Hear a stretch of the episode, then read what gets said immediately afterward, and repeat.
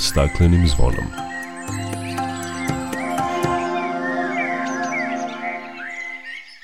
Dobar dan i dobrodošli na Zeleni talas prvog programa radija Radio Televizije Vojvodine. Ja sam Dragana Ratković. Svim vernicima koji slave Uskrs po Gregorijanskom kalendaru čestitamo praznik koji se smatra i simbolom novog početka – Kada je u pitanju ranjivost na klimatske promene, Srbija je najosetljivija država Evrope.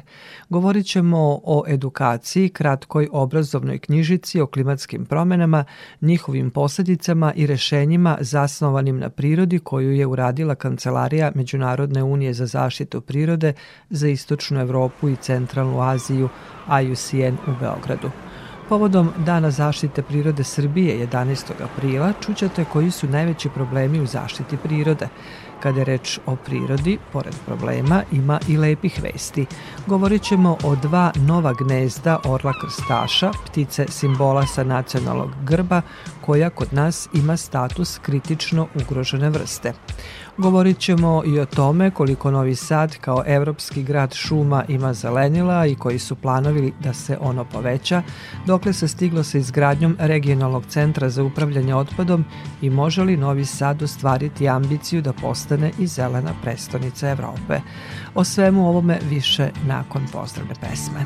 Dok priroda kraj nas plače, za vladarskim svojim tronom, pod staklenim smo zvonom Znaj vazduha više nema? Sve manje je i ozona. Protiv sebe ide čovek i to često bez pardona. Uništenju živog sveta kao da skloni Čovek sam je sebi meta Zbog njega ovo zvono zvoni Uništenju živog sveta Kao da su ljudi skloni Čovek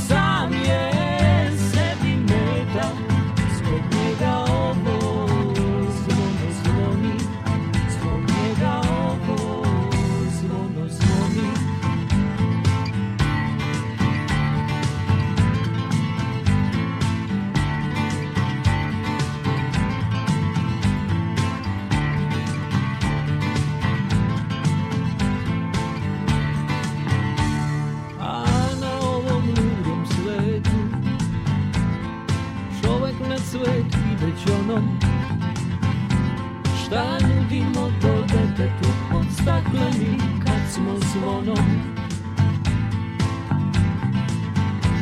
Uništenju živog sveta.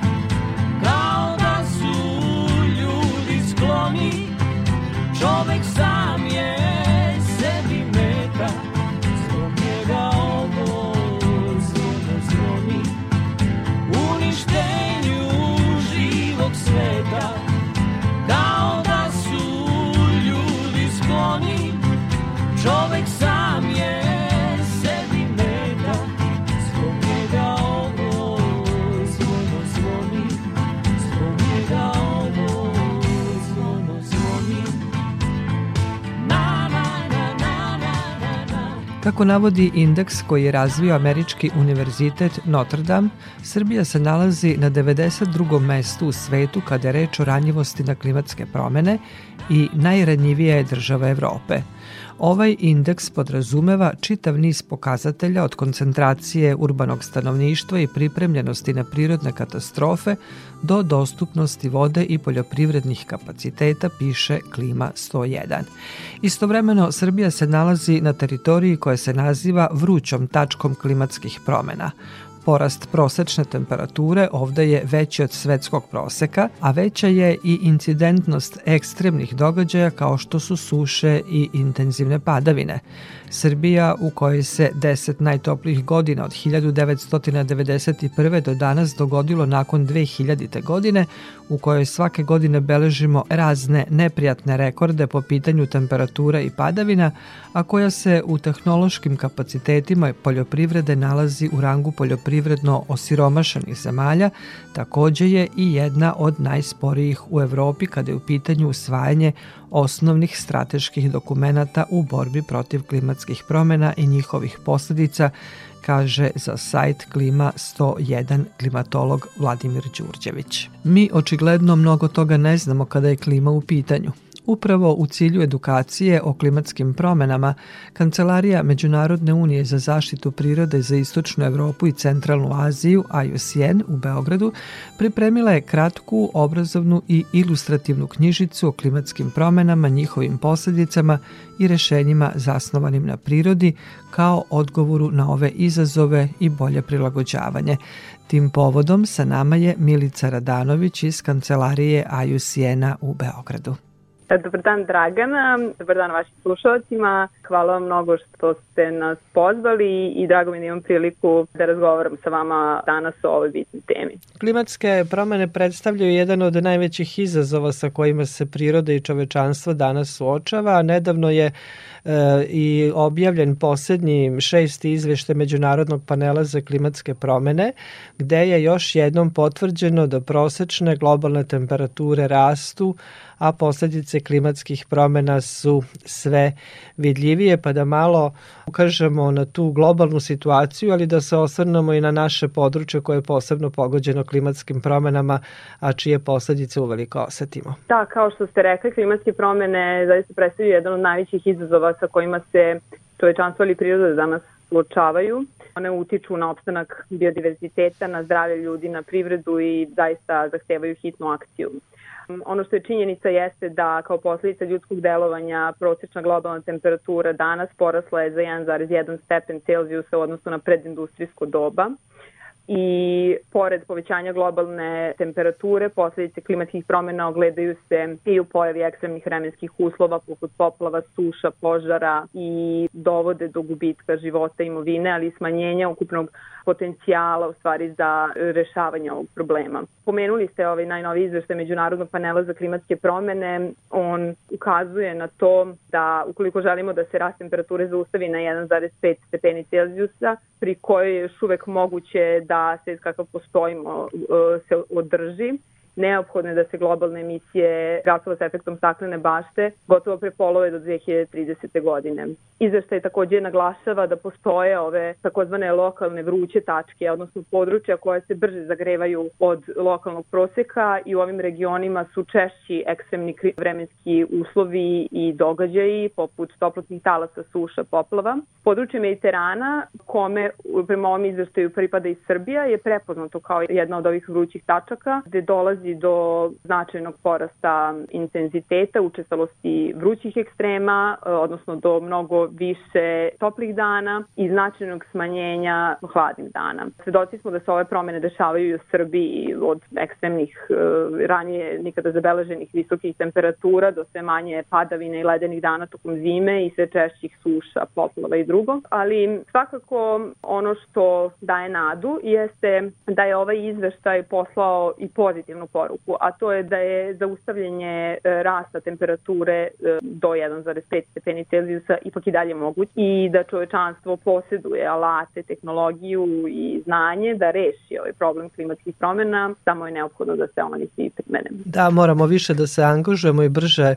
da delujemo kako bi postigli one zacrtane ciljeve koji su ustanovljeni Parijskim sporazumom, a jedan od načina za zaustavljanje rasta temperature, tačnije smanjenje negativnih uticaja su upravo rešenja zasnovana na prirodi koje je definisao IUCN, pa možda malo da razjasnimo šta su to rešenja zasnovana na prirodi i kako nam ona mogu pomoći u borbi protiv klimatskih promena. Prema definiciji IUCN-a, rešenja zasnovana na prirodi su sve akcije koje su usmerene na, na zaštitu, na održivo upravljanje i obnovu kako prirodnih, tako i modifikovanih ekosistema kojima se u stvari rešavaju društveni izazovi na delotvoran način. Kada kažemo društveni izazovi, mislimo na brojne stvari, među kojima su i klimatske promene, ali i bezbednost hrane, vode, rešavanje prirodnih katastrofa, ali jasno je da su ove sve stvari veoma povezane primena rešenja zasnovanih na prirodi istovremeno treba da osigura dobrobit za čoveka, ali dobrobit i za biodiverzitet. Pa tako, na primer, obnovom degradiranih šuma, kao i oporavkom travnih staništa poput livada pašnjaka, možemo smanjiti stvaranje bujičnih tokova, stabilizovati zemljište, smanjiti eroziju, pojavu klizišta, a uz to ove mere mogu pomoći i u smanjenju količine gasova sa efektom staklene bašte u atmosferi obnova vlažnih staništa kao što su močvare, vlažne livade, šume uz reke, povećavaju stvari kapacitet ovih staništa da usvoje i zadrže vodu i e, time se u stvari smanjuju pop. Dakle, sve mere koje podrazumevaju oporavak ekosistema doprinose direktno očuvanju i obnovi biodiverziteta i u stvari omogućavaju ekosistema da pruža razne druge ekosistemske usluge i koristi za, za čoveka.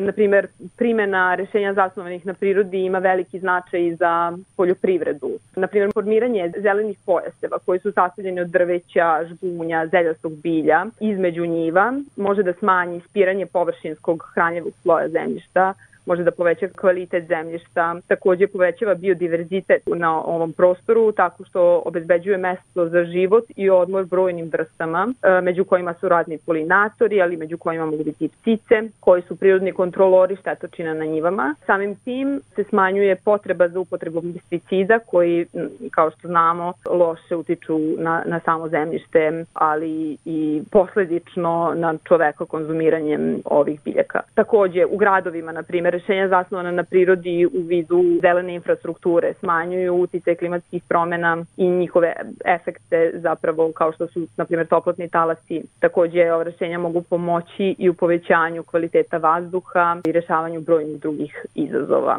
Još konkretniji primer jeste ono što smo mi radili, još uvek radimo u okviru projekta DAP, rešenja zasnovana na prirodi za otpornija društva na Zapadnom Balkanu, koji finansira Švedska agencija za međunarodni razvoj i saradnju sprovodi IUCN ECARO u svim ekonomijama Zapadnog, Zapadnog Balkana. Mi sprovodimo dva pilot projekta, od kojih je jedan u Glediću kod Kraljeva, u okviru kog primenjujemo rešenja zasnovana na prirodi.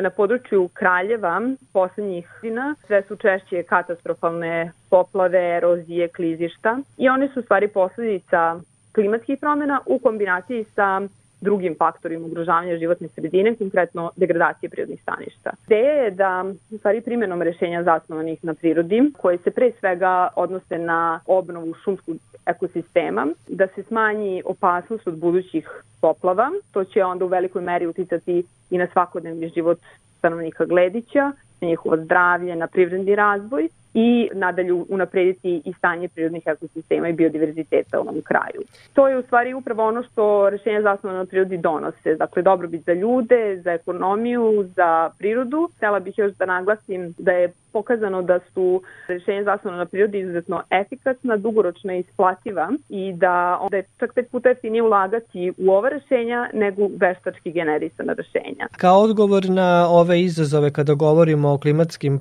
promenama i bolje prilagođavanje, Kancelarija Međunarodne unije za zaštitu prirode e, IUCN pripremila je kratku obrazovnu i ilustrativnu knjižicu o klimatskim promenama, njihovim posledicama i upravo o rešenjima zasnovanim na prirodi. Šta ta knjižica sadrži i kome je Milice ona namenjena? Dakle, e, knjižica klimatske promene u 12 slika jeste ovaj kratak vodič kroz e, posledice klimatskih promena i moguće rešenja e, za bolje prilagođavanje. Ona je takođe nastala u okviru već pomenute četvrogodišnje inicijative ADAPT, Naš cilj je u stvari bio da napravimo jednu knjižicu koja je lako razumljiva, edukativna, ilustrativna o klimatskim promenama, gde smo predstavili ključne probleme, poruke vezane za klimatske promene dakle kako one nastaju, koji su to negativni efekti i koje su to moguće rešenja za rešavanje ovog pitanja kroz primenu rešenja zasnovanih na prirodi. Ova knjižica je namenjena široj populaciji, odnosno svima onima koji su zainteresovani za ovaj problem. Smatramo u stvari da je izuzetno važno da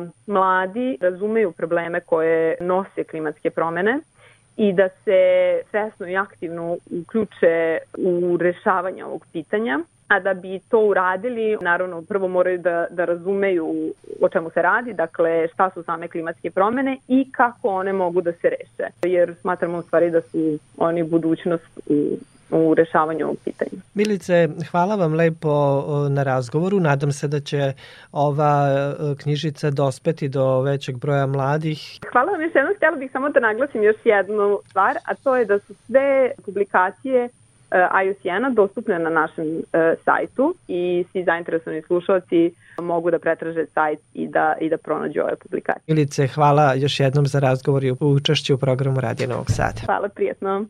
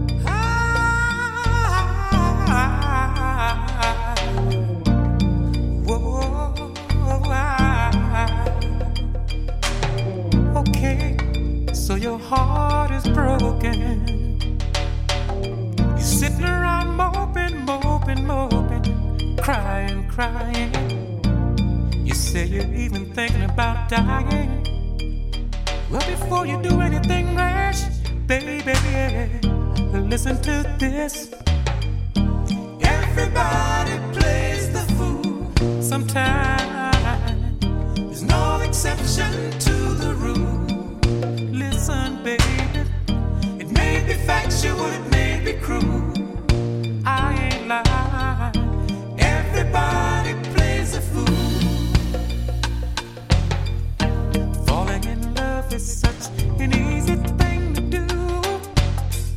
But there's no guarantee that the one you love is gonna love you. Oh.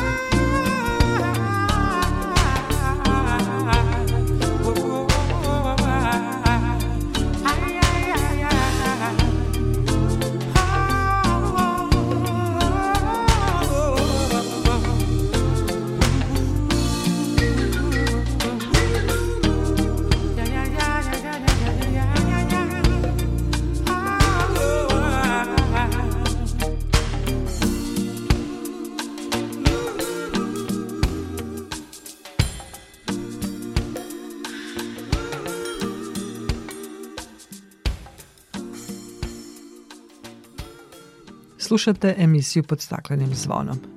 U Srbiji se 11. aprila obeležava Dan zaštite prirode. To je prilika da se ukaže ne samo na značaj očuvane prirode za opstanak živog sveta i kvalitet životne sredine i življanja ljudi, već i značaj upravljanja zaštićenim područjima. Dan zaštite prirode ustanovljen je 2009. godine zakonom o zaštiti prirode. Obeležava se sa ciljem da se najšira javnost podsjeti na ulogu i značaj zaštite nacionalne prirodne baštine. Odabran je 11. april zato što je tog dana 1949. godine prvi put ustanovljen status jednog područja kao zaštićenog prirodnog dobra, a to su vodopadi u okviru spomenika prirode Velika i Mala Ripaljka na teritoriji opštine Sokobanja. U poslednje vreme sve veći pritisak na prirodu i prirodna područja. Kako odolevaju takvim izazovima, pitala sam Olivera Fojkara iz Pokrajinskog zavoda za zaštitu prirode. Problemi u zaštiti prirode zaista nastaju. Nastaju iz potrebe čoveka da uzurpira deo prirode, da uzme nešto iz prirode, govorimo o velikim ljudima koji imaju puno novaca, koji žele još više novca, pa se dešava da grade bespravno, pa nastaju kamenolomi tamo gde ne bi smeli da nastaju, pa da bude seča stabala tamo gde ne bi trebalo da bude ili gde je, gde je bespravno. Tu su ekološke inspekcije, tu su drugi nadležni organi, mi smo, ajde da kažem, prateća služba koja uvek ako se takve stvari dešavaju u našim prostorima, uvek ide znači pokrinjska ekološka inspekcija ili opštinska, a naše, naši stručnjaci su tu da daju procenu, podršku, tako da dešavaju se takve stvari zaista. Čini mi se što vreme više teče da je i takvih nemilih situacija sve više. Očito da i u našem celom društvu treba nešto da se menja, Mislim da su zakoni relativno dobri, ali mislim da ti zakoni treba bolje i više da se e, poštuju i da sem primenjuju i da sem e, zaštitara i pravne službe, odnosno sudovi takođe moraju da rade svoj posao. Ako postoje kazne za određene štete koje nastaju u prirodi i za probleme ili za tu divlju gradnju, onda to treba da se i primenjuje. Tako da jedno je volja želja i stručna reč, a drugo je reakcija kompletne države. Pa mislim da malo možda reakcija kompletne države malo manjka, znači to treba da se digne na viši nivo. Kako s obzirom na sve to ocenjujete stanje prirode u Vojvodini? Mislim da 20 godina sam u zavodu i za ovih 20 godina primetim e, veliki napredak. Znači i napredak u broju zaštićenih prirodnih dobara, i napredak među upravljačima, znači mislim da su trenutno upravljači zaštićenih prirodnih dobara na jednom znatno višem nivou nego što je to bilo pre 20 godina, neki mnogi nisu ni postojali, ali postoje tu ove rezervati za koje možemo da se ugledamo, da vidimo šta i kako je urađeno i učinjeno za ovih 20 godina i mislim da napredujemo. Da li smo postali krajnji cilj? Nismo. Još uvek treba puno da se radi, ali mislim da u odnosu na stanje od pre 10 godina, 20 godina, da su naša zaštićena prirodna dobra trenutno na jednom znatno višem nivou. Pre 20 godina niste mogli naći ekocentre. Sada, trenutno, uglavnom u velikom broju zaštićenih prirodnih dobara ovih velikih upravljača imaju svoj ekocentar, imaju mogućnost da, da prime turiste, imaju organizovanu službu, rangere, imaju neku infrastrukturu i trude se da konsultujemo se oko upravljanja, rade se planovi programi, kontrolišu se planovi programi, šta se čini, šta se radi, tako da ono što je zaštićeno je u relativno, kažem, dobrom stanju. Hvala vam lepo za razgovor. Hvala lepo.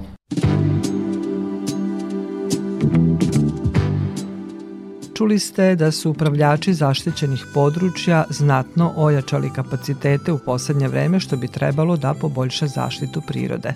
Specijalni rezervat prirode Zasavica je pre nekoliko godina i dobila priznanje Saveta Evrope za zaštitu i upravljanje rezervatom. Koji su najveći problemi u zaštiti prirode za Radio Novi Sad, govori čuvar prirode u tom rezervatu Mihajlo Stanković. Ne može se izdvojiti samo jedno što, šta deluje, jer jedno vuče drugo i tu je onda problem što jedna karika ako se poremeti to onda ostavlja posledice i za one karike koje su iza nje i za one koje su ispod nje i one koje su, da kažemo, u bočnim nizovima. Jer mi nikako da shvatimo, mi, kad kažem mi, mislim na ljude generalno na ovoj planeti, jednostavno nikako ne shvaćamo to da je priroda mnogo povezana u okviru jednog ekosistema i da bilo šta taknemo poremetimo, to se odražava na mnogo širi krug organizama koji su povezani međusobnim, da li lancima ishrane, da li tim ekološkim nišama u kojima žive. Tako da po meni ne postoji glavni krivac. Neke posledice mi vidimo odma direktno od dejstvom toga, a neki su, po meni su ti možda malo i opasniji čiji se negativan uticaj ne vidi odma, neg godinama polako tinjaju, tinjaju. Mi primećujemo da se nešto događa, neke vrste su smanjile brojnost, neke se povećavaju, ali ako se ne upustimo u dubinu tog problema, vrlo često te posljedice ostaju sa strani i onda one i dalje deluju na duže vremenske periode. Sa odloženim dejstvom. Jeste, da, da. Uglavnom imamo ta akumulativna hemijska dejstva koja mogu da imaju i mnogo opasnije posledice nego ono što mi vidimo, na primjer, pomor neke vrste, jer ovde je ugrožena ne samo fiziologija životinskih vrsta, nego i genetika, jer kroz genetski materijal se te posledice prenose i bukvalno kroz N broj generacija mi možemo da imamo mnogo goru situaciju nego što je od trenutno kad se desi. I šta bi bila vaša poruka povodom Dana prirode? Pa da sve institucije koje se bave zaštitom, proučavanjem prirode, znači moraju međusobno da sarađuju, da razmenjuju podatke. Prošlo je vreme kada svako radi za sebe. Sada trebamo da što više favorizujemo multidisciplinarna istraživanja, jer jedino tako ćemo moći da zajednički pomognemo prirodi, jer ja znam jedan segment, kolega drugi zna drugi i kad udružimo informacije svi zajedno, onda ćemo lakše doći do nekog rešenja koje je dobro za prirodu, jer bojim se da ako svako radi po svom nekom principu, da ono što ja mislim da je dobro za ekosistem onaj drugi to, to gleda sa drugog aspekta i mo, možda že da primeti da deo tih mojih, na primjer, aktivnosti je negativan za određene specializovane vrste koje koje su mnogo bitne za taj ekosistem. Znači, zbog toga mora jako saradnja da bude na visokom nivou, upravo zbog toga da, da bismo sa svih aspekata sagledali problem i zajednički ga rešili. A kada govorimo o nama ljudima koji nismo toliko stručni, koji volimo da odlazimo u prirodu, a dovoljno je ne čuvamo, kakav je vaš savet? Ako je ne čuvamo, znači sve će se to nama obiti o glavu. Bukvalno sve što mi uradimo u prirodi negativno, to opet se vraćam, da li odma ili kasnije će nam se to obiti o glavu nekim poremećajem koji će imati uticaja i na čovekovo društvo, na ekonomiju i tako dalje. Jer sve je povezano, sve mora da bude u konstantnom redu iz prostog razloga što svaki poremećaj je jednostavno karika koja vodi ka nestajanju nečega, a to i običan čovjek koji nije stručnjak će danas, sutra osetiti u nekom segmentu svog postojanja.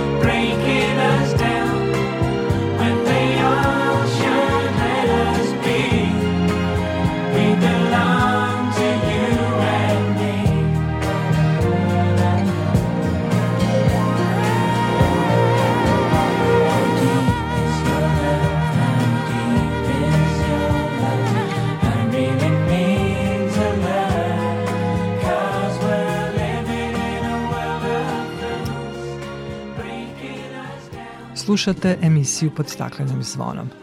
A kada već govorimo o prirodi, iz Društva za zaštitu i proučavanje ptica Srbije nam stižu lepe vesti. Otkrivena su dva nova gnezda orla krstaša, ptice simbola sa nacionalnog grba, koji kod nas ima status kritično ugrožene vrste, pa je svaka jedinka izuzetno značajna za njihov opstanak. Radujemo se svakoj informaciji koja govori o povećanju njihovih gnezda i jedinki, jer ih članovi ovog društva pomno prate, čuvaju i organizuju razne kampanje za njihovo očuvanje. Tim povodom razgovarala sam sa izvršnim direktorom Društva za zaštitu i proučavanje ptica Srbije Milanom Ružićem. Milane, dobrodošli na Zeleni talas Radija Novog Sada. Bolje vas našao, hvala na pozivu. Orao krstaš je jedna od najređih ptica u našoj zemlji i mi u emisiji i na Radio Novom Sadu pratimo oporavak populacije koja je bila kritično ugrožena od trenutka kada je ostao samo jedan gnezdeći par koji dobro pamtimo Boro Eržika. Tada 2016. Društvo za zaštitu i proučavanje ptica Srbije sa Pokrajinskim zavodom za zaštitu prirode pokrenulo veliki projekat kako bi zaštitili ovu vrstu. Poslednji podatak bio je da je broj parova porastao na pet i tome smo se radovali. Međutim, Milane, vi ste bili na terenu i prilikom obilaska terena zbog praćenja krstaša otkrili ste dva nova gnezda ove kritično ugrožene vrste. Dakle, sada se taj broj povećao na sedam, što nas posebno raduje. Pa upravo tako. Mi pratimo te orlove vrlo intenzivno od 2016. godine na ovamo. Čuvali smo poslednje gnezdo praktično pet meseci. Svaki dan motrili na njih, radovali se svaki put kada su imali mladunce, pa je onda 2017. godine došao još jedan novi par, da bi prošle godine bilo njih pet i tako dalje. Sve u svemu naša populacija raste. To je dobra vest. I moramo to shvatiti kao, kao pozitivnu promenu u prirodi. Razlog tome naravno jesu i aktivnosti koje mi svi zajedno ovde u Srbiji sprovodimo, ne samo mi kao udruženje, već i pomenuta institucija, pokrenjski zavod, ali naravno i naši divni poljoprivrednici i lovci i svi oni ostali koji borave na terenu i koji vode računa o. Ono što je važno napomenuti jeste da je ta populacija koja je sada ovde u Vojvodini, tih nekih sedam parova, je u stvari deo jedne veće panonske populacije koja se nalazi u Mađarskoj, delimično u Austriji, Slovačkoj, Češkoj, pa i u Rumuniji u skorije vreme i cela ta panonska populacija raste. Dakle, mi sad hvatamo trend porasta koji je rezultat uspešne brige o toj ptici. Ovo samo pokazuje da uspešna briga o nekim životinskim vrstama, u slučaju kastaša zaista daje rezultate i da to može da pomogne vrsti, dakle čuvanje gnezda, postavljanje gnezda, omogućavanje neke dodatne ishrane, ali pre svega smanjenje stradanja, odnosno trovanja, ubijanja, uznemiravanje ptica na gnezdima, dakle daje rezultate. I mi želimo ovom prilikom da se zahvalimo svima koji su ikada učestvovali u praćenju i čuvanju krstaša, a posebno da se zahvalimo građanima koji su nam dali ogromnu podršku u protekla dva meseca kada smo sprovodili kampanju za zaštitu orla krstaša. Početkom februara započeli ste kampanju za naše krstaše o kojoj smo i mi govorili kako bi se sakupio novac i obezbedilo čuvanje gnezda i postojećih parova orlova krstaša jer se to pokazalo veoma efikasnim u poslednjih nekoliko godina što je nadam se uticalo i, i na povećanje broja gnezdećih parova. Sećamo se onih situacija spašavanja mladunaca, dakle to svakako ima e, veliki značaj i velike koristi. Pa naravno, ne samo da smo mi te ptice čuvali, već moderne tehnologije koje nam omogućavaju da ih pratimo, pre svega satelitsko praćenje nam govori više nego što smo ikada do sada znali. Mi smo to u poslednjem saopštenju ne značili. Dakle, mi znamo sada više o krstašima na teritoriji Srbije u protekle dve godine, kako ih pratimo satelitski, nego praktično bilo kad ranije istoriji. Zašto je tako? Pa zato što mi u realnom vremenu možemo kroz te četiri jedinke koje pratimo da vidimo gde se one zadržavaju, koliko vremena provode na nekom terenu, koji su to prostori koji najčešće posećuju, gde spavaju i na kraju krajeva da pretpostavimo gde bi te jedinke, ako dočekaju polnu zelost, ostale i pravile svoje gnezda. I to nam je upravo ukazalo na lokacije koje posebno treba čuvati, na koje posebno treba motriti i gde treba tražiti gnezda. Ono što smo mi naučili u protekle dve godine jeste da su krstaši, iako su to velike ptice gravljivice koje su često agresivne prema drugim jedinkama i svoje drugih vrsta, u stvari a, vrlo druželjubive i da se uglavnom na teritorijama gde, gde postoje odrasle parove koji se gnezde često motaju neke mlade ptice koji ih posećuju, Sad, mi u šali kažemo da oni razmenjuju informacije o tome gde je neki slasan obrok ili gde mogu fino da se zabave, da se druže, ali evo daću vam primjer, recimo, kada smo pronašli prvo ovo novo gnezdo prošle sedmice, mi smo na toj lokaciji videli čak pet mladih orlova krstaša koji su zajedno leteli, onda imali su neke aktivnosti u vazduhu, igrali su se, vežbali su let i tako dalje. To sve pokazuje da ptice uživaju, da su na bezbednom i verovatno da uče jedni od drugih neke tehnike preživljavanja koje im kasnije naravno koriste tokom nekih drugih faza odrastanja. Prethodna gnezda bila su u Banatu, da li su ova dva gnezda tu u blizini negde u Banatu? Jesu, upravo jesu u Banatu, u Banatskom potisju, dakle na nekom prostoru, ajde da kažemo, južno od Novog Kneževca, između Novog Kneževca i Novog Večeja. Upravo je taj deo Potisja sa divnim staništima gde su velike slatinske livade, gde su pašnjaci, gde još uvek ima stočarstva, neki predeo gde smo mi pretpostavili da će početi da se spušta populacija sa severa ka jugu Vojvodine, odnosno kroz Srbiju, i to se i događa. Mi se nadamo da ima još negde parova, jer ovaj prostor koji smo mi uspeli da obiđemo svega jedna petina onog plana koji imamo za ovo proleće, Iskreno se nadamo da je moguće da postoji još neki par negde uz rumunsku granicu, možda čak i bliže vršcu, a plan svakako jeste da ne odustanemo od ovih, da kažemo, žestokih aktivnosti čuvanja i podrške vrsti sve dok ne budemo vratili krstaše i u Delibatsku peščaru i na Frušku goru, tek onda možemo reći da imamo koliko toliko stabilnu populaciju u Vojvodini. Prema nekim našim procenama to će biti najmanje 30 parova na području pokrajine i to je zaista moguće uraditi, kao što sada imamo preko 120 parova belodepana u Vojvodini Vojvodine tako sigurno možemo imati 30 parova krstaša, a vidjet ćemo kako će kasnije to da se razvija. Naša velika želja jeste da krstaš nastavi da leti nebom iznad cele Srbije kao što je to nekad bilo pre stotine godina pa da ga bude i na Ceru i na Zasavici, da ga bude i u dolini Velike Morave i Zapadne Morave i na raznim raznim drugim lokacijama. Da li ste kampanjom za naše krstaše uspeli da obezbedite novac kako bi čuvali gnezda i ovu sezonu i ovu godinu? Apsolutno. Moram da pohvalim sve one koji su donirali koliko god su mogli i koliko god su želeli da smo mi u stvari prebacili plan koji je bio 1 milion dinara, prebacili smo ga za čitavi 14 procenata, tako da smo sad skupili gotovo milion i 200 hiljada, tako da novac je obezbeđen. Naši volonteri, naši članovi se izuzetno raduju ponovnom odlasku na teren i čuvanju orlova i svi smo u stvari izuzetno ponosni zato što ne samo što čuvamo jednu kritično ugroženu vrstu, već zato što zaista brinemo o nacionalnim simbolima. I po meni je ovo jedan od najlepših načina da iskažete ono pravo rodoljublje, dakle da čuvamo ono što, što je vredno, da čuvamo ono što je, što je ovde u Srbiji značajno, da pomognemo naravno da se jedna tako iskonski značajna vrsta sačuva, da se vrati na nekadašnje staništa, ali i da sprečimo sve one negativne pojave koje su dovele do toga da krstaš nestane. Dakle, da ne sečemo drveće koje je veliko u atarima, da ne trujemo životinje, da se trudimo da ih ne uznemiravamo, da sačuvamo ono što je, kažem, vrlo vredno i da se trudimo da ne samo da brinemo naravno krstašima, već i o prirodi generalno, jer to je osnov opstanka i ljudi. Da, 11. aprila obeležavamo Dan zaštite prirode Srbije i ovo je zaista jedna lepa informacija tim povodom. Pa evo, poruka nas koji smo organizacija civilnog društva prema državnim institucijama jeste da zaista mogu da se ponose koliko je civilno društvo u Srbiji aktivno i koliko veliki doprinos mi građani dajemo na zaštiti prirode celokupne Srbije kroz različite projekte ili individualne aktivnosti ili kroz sve one male stvari koje praktično svakodnevno radimo, tu smo da podržimo napore da se priroda Srbije sačuva, da uspostavimo kvalitetnu ekološku mrežu, da omogućimo neke nove izvore finansiranja kako za institucije, tako naravno i za civilno društvo i da se ponosimo da kroz eto, nekoliko godina svedemo broj ovih kritično ugroženih, ugroženih vrsta na najmanju moguću meru i da se pohvalimo da mi našu zemlju čuvamo na najbolji mogući način. Nadam se da ćemo svi mi na kraju krajeva u tome uspeti i da više doprinesemo zaštiti prirode, jer kao što smo videli ove mere koje ste vi preduzeli doprinali su broju porasta jedinki i gnezećih parova orla krstaša i nadamo se da će biti tako i narednih godina jer njihov opstanak je pitanje od nacionalne i kulturne važnosti kao što ste rekli. Milane, hvala vam lepo za razgovor i učešću u programu Radio Novog Sada. Hvala i vama na prilici da govorim. Non, rien de rien. Non, je ne regrette rien. Ni le bien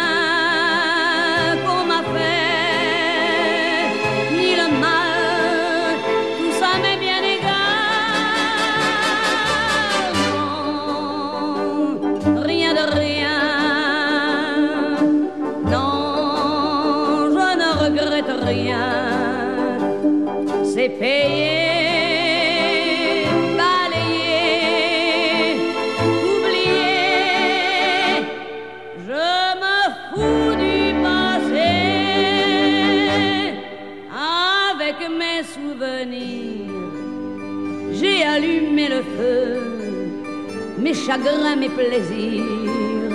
Je n'ai plus besoin de balayer les amours avec leur trémolo, balayer pour toujours.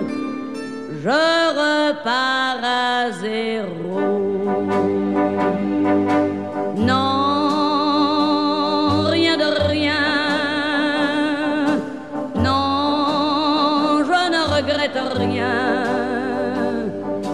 Bien qu'on m'a fait, ni le mal, tout ça m'est bien égal.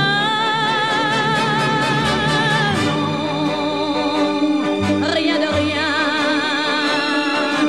Non, je ne regrette rien, car ma vie,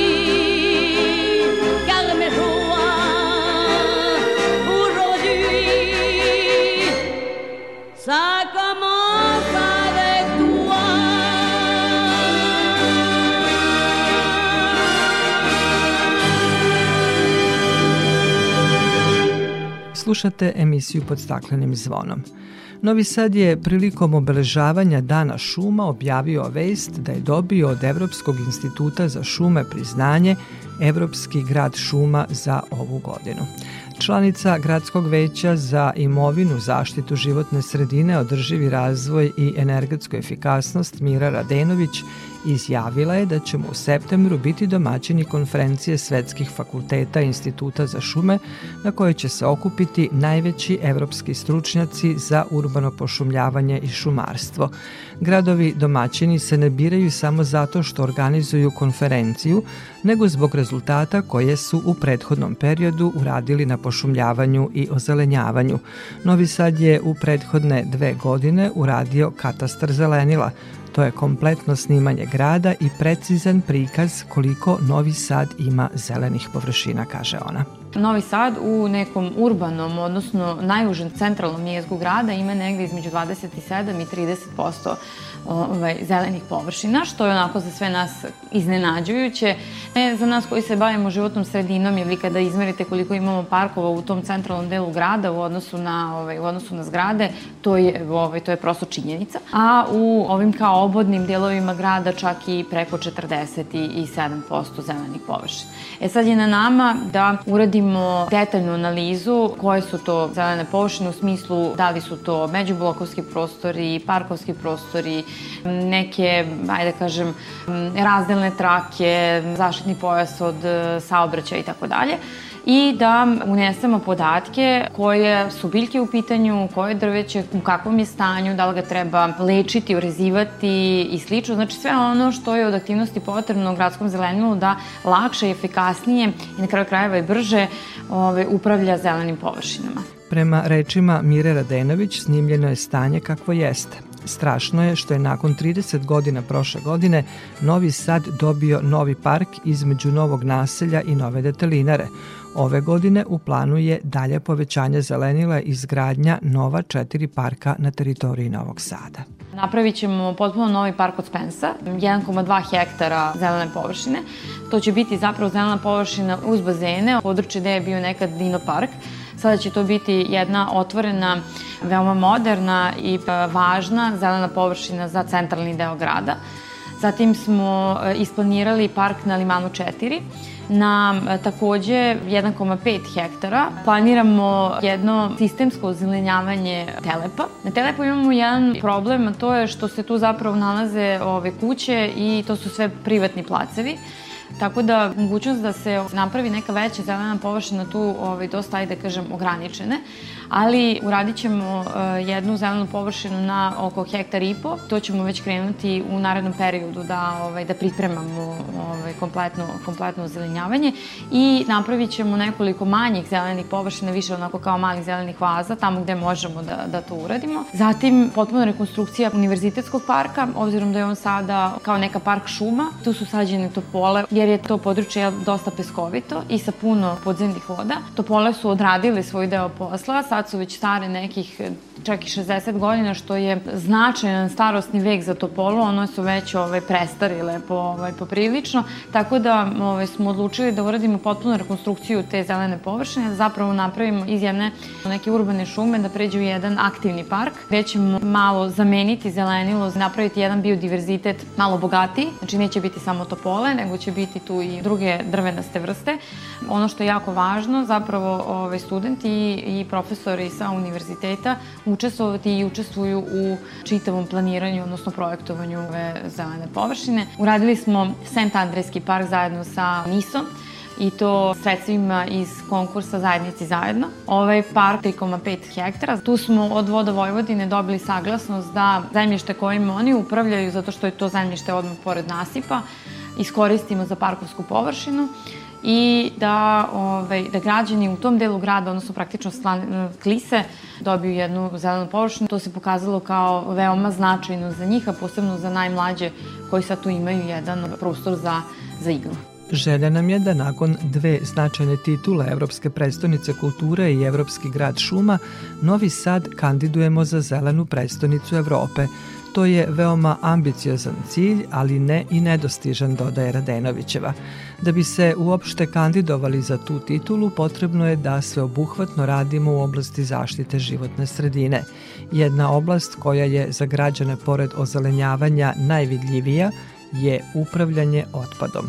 Izgradnja regionalnog centra za upravljanje otpadom u Novom Sadu drugi je po veličini takav projekat u Srbiji nakon Vinče, kojem će gravitirati sedam lokalnih samouprava u Južnobačkom regionu. Urađena je u potpunosti i projektno-tehnička dokumentacija, sredstva su dobijena od Evropske unije, znači negde oko 50% predviđenih sredstava za projekat. Ovaj projekat je vrednosti oko 90 miliona evra. Kompletan otpad će se prerađivati u zatvorenom prostoru, u zatvorenih halama, to znači da nema prašine, da nema neprijatnih mirisa, koje je do sada bilo i da će se kompletan otpad u toj prvoj fazi, pored izgradnje sanitarne deponije, prerađivati odnosno od njega praviti gorivo od otpada, RDF. I ono što je u svemu ovome najvažnije jeste da će građani upravo Klise, odnosno tog dela grada gde se, koji je naslonjen na deponiju, dobiti jedan potpuno novi pejzaž, odnosno ovaj, životna sredina u tom delu grada će biti značajnije čista, a novosađeni će imati priliku da upravljaju otpadom onako kako upravljaju sve evropske zemlje danas, na najsavremeniji mogući način, a s druge strane na najzdraviji mogući način, jer o, svu onu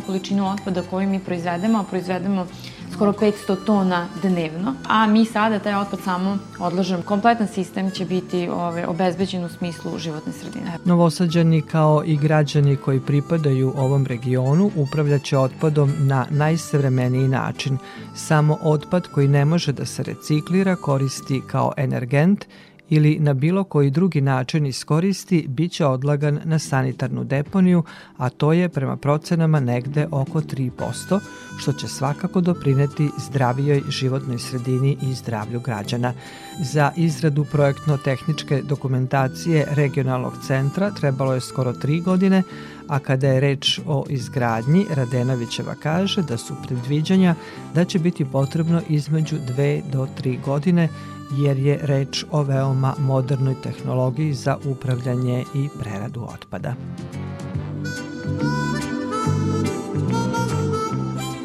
I dok se na jednom mestu sadi drveće, na drugom se seče. Mnogi vetrozaštitni pojasevi u Vojvodini su posečeni jer kažu smetaju vozačima. Nedavno smo videli kako je baš zbog nedostatka drveća vetrozaštitnih pojaseva peščana oluja izazvala lančani sudar kod Subotice, a da ne govorimo o drugim štetama koje nastaju zbog nedostatka zelenila u ravnici kao što je Vojvodina. S druge strane, ono malo drveća koje uz njive i puteve postoji, krešu se sve grane tako da debla bez krošnje baš ni ne mogu mnogo pomoći kada počnu da duvaju jači vetrovi. Put Ođaci Ratkovo do nedavno je krasio razgranati drvored. Slika je sada drugačija jer je nekoliko stotina stabala okresano, tako da su u potpunosti ostala bez krošnje. To je iznenadilo i razljutilo sve one koji prolaze ovim putem. Više o tome u prilogu Zlata Vasiljević. Drvored na putu između Ođaka i Ratkova sa nekoliko stotina stabala u dužini od oko 5 km više ne izgleda isto. Umesto razgranatog drveća ostala su samo stabla bez jedne grane, što je sve one koje prolaze tim putem iznenadilo. Nenad Stević i Stojan Đorđević iz Ratkova. Uh, jeste ružno, ali ne znam koji im je cilj, koji je, zbog čega se to seku, te, mada mogu da kažem da to zimi bude jako veliki problem jer su se grane bukvalno spojile i sa leve i desne strane i tačno to bude na beloj liniji, tu, su, tu prolaze mnogo auta, taj put je baš ono prebukiran puno i to zimi se to zamrzne od hladnoće i to kad se otopi to sve pada na naša, naše šoferke. Ja mislim uh, da bi trebao da, da postoji neki drvored, ali neko drvo koje je stvarno uh, stabilno, koje će dugo godina biti živo i... i... Sad ovde je posečena krošnja, da li očekujete da će biti izvađena cela stabla ili će biti posađena nova? Ja mislim da će ovo da biti izvađena, a da li će biti posađena nova, to ne znam. Drvored na putu između Ratkova i Ođaka nalazi se na državnom putu Sombor-Novi Sad. Kako su nam rekli, u javnom preduzeću Putevi Srbije krošnje su isečene po nalogu inspektora za državne puteve i šumarskog inspektora. Postupkom kontrole utvrđeno je da se u trupu i zemljištu državnog puta nalazi veliki broj suvih polomljenih natrulih stabala kao i stabala koja su se nadvila nad kolovoz. Zbog toga se izvode radovi na krčenju šiblja, kresanju granja, čepovanju i sečenju drveća. Kako navode u putevima Srbije, stabla se seku na visinu koja ne ugrožava bezbednost saobraćaja, a posečena stabla pokazuju iskustva, formiraće novu krošnju. Toliko u ovom izdanju emisije pod staklenim zvonom koju možete slušati i odloženu na podcastu Radio Televizije Vojvodine na adresi rtv.rs. Sabina Nedić, Maja Tomas i Dragana Ratković zahvaljuju vam na pažnji, a naredni susret zakazujemo za sedam dana u isto vreme na zelenom talasu prvog programa radija Radio Televizije Vojvodine.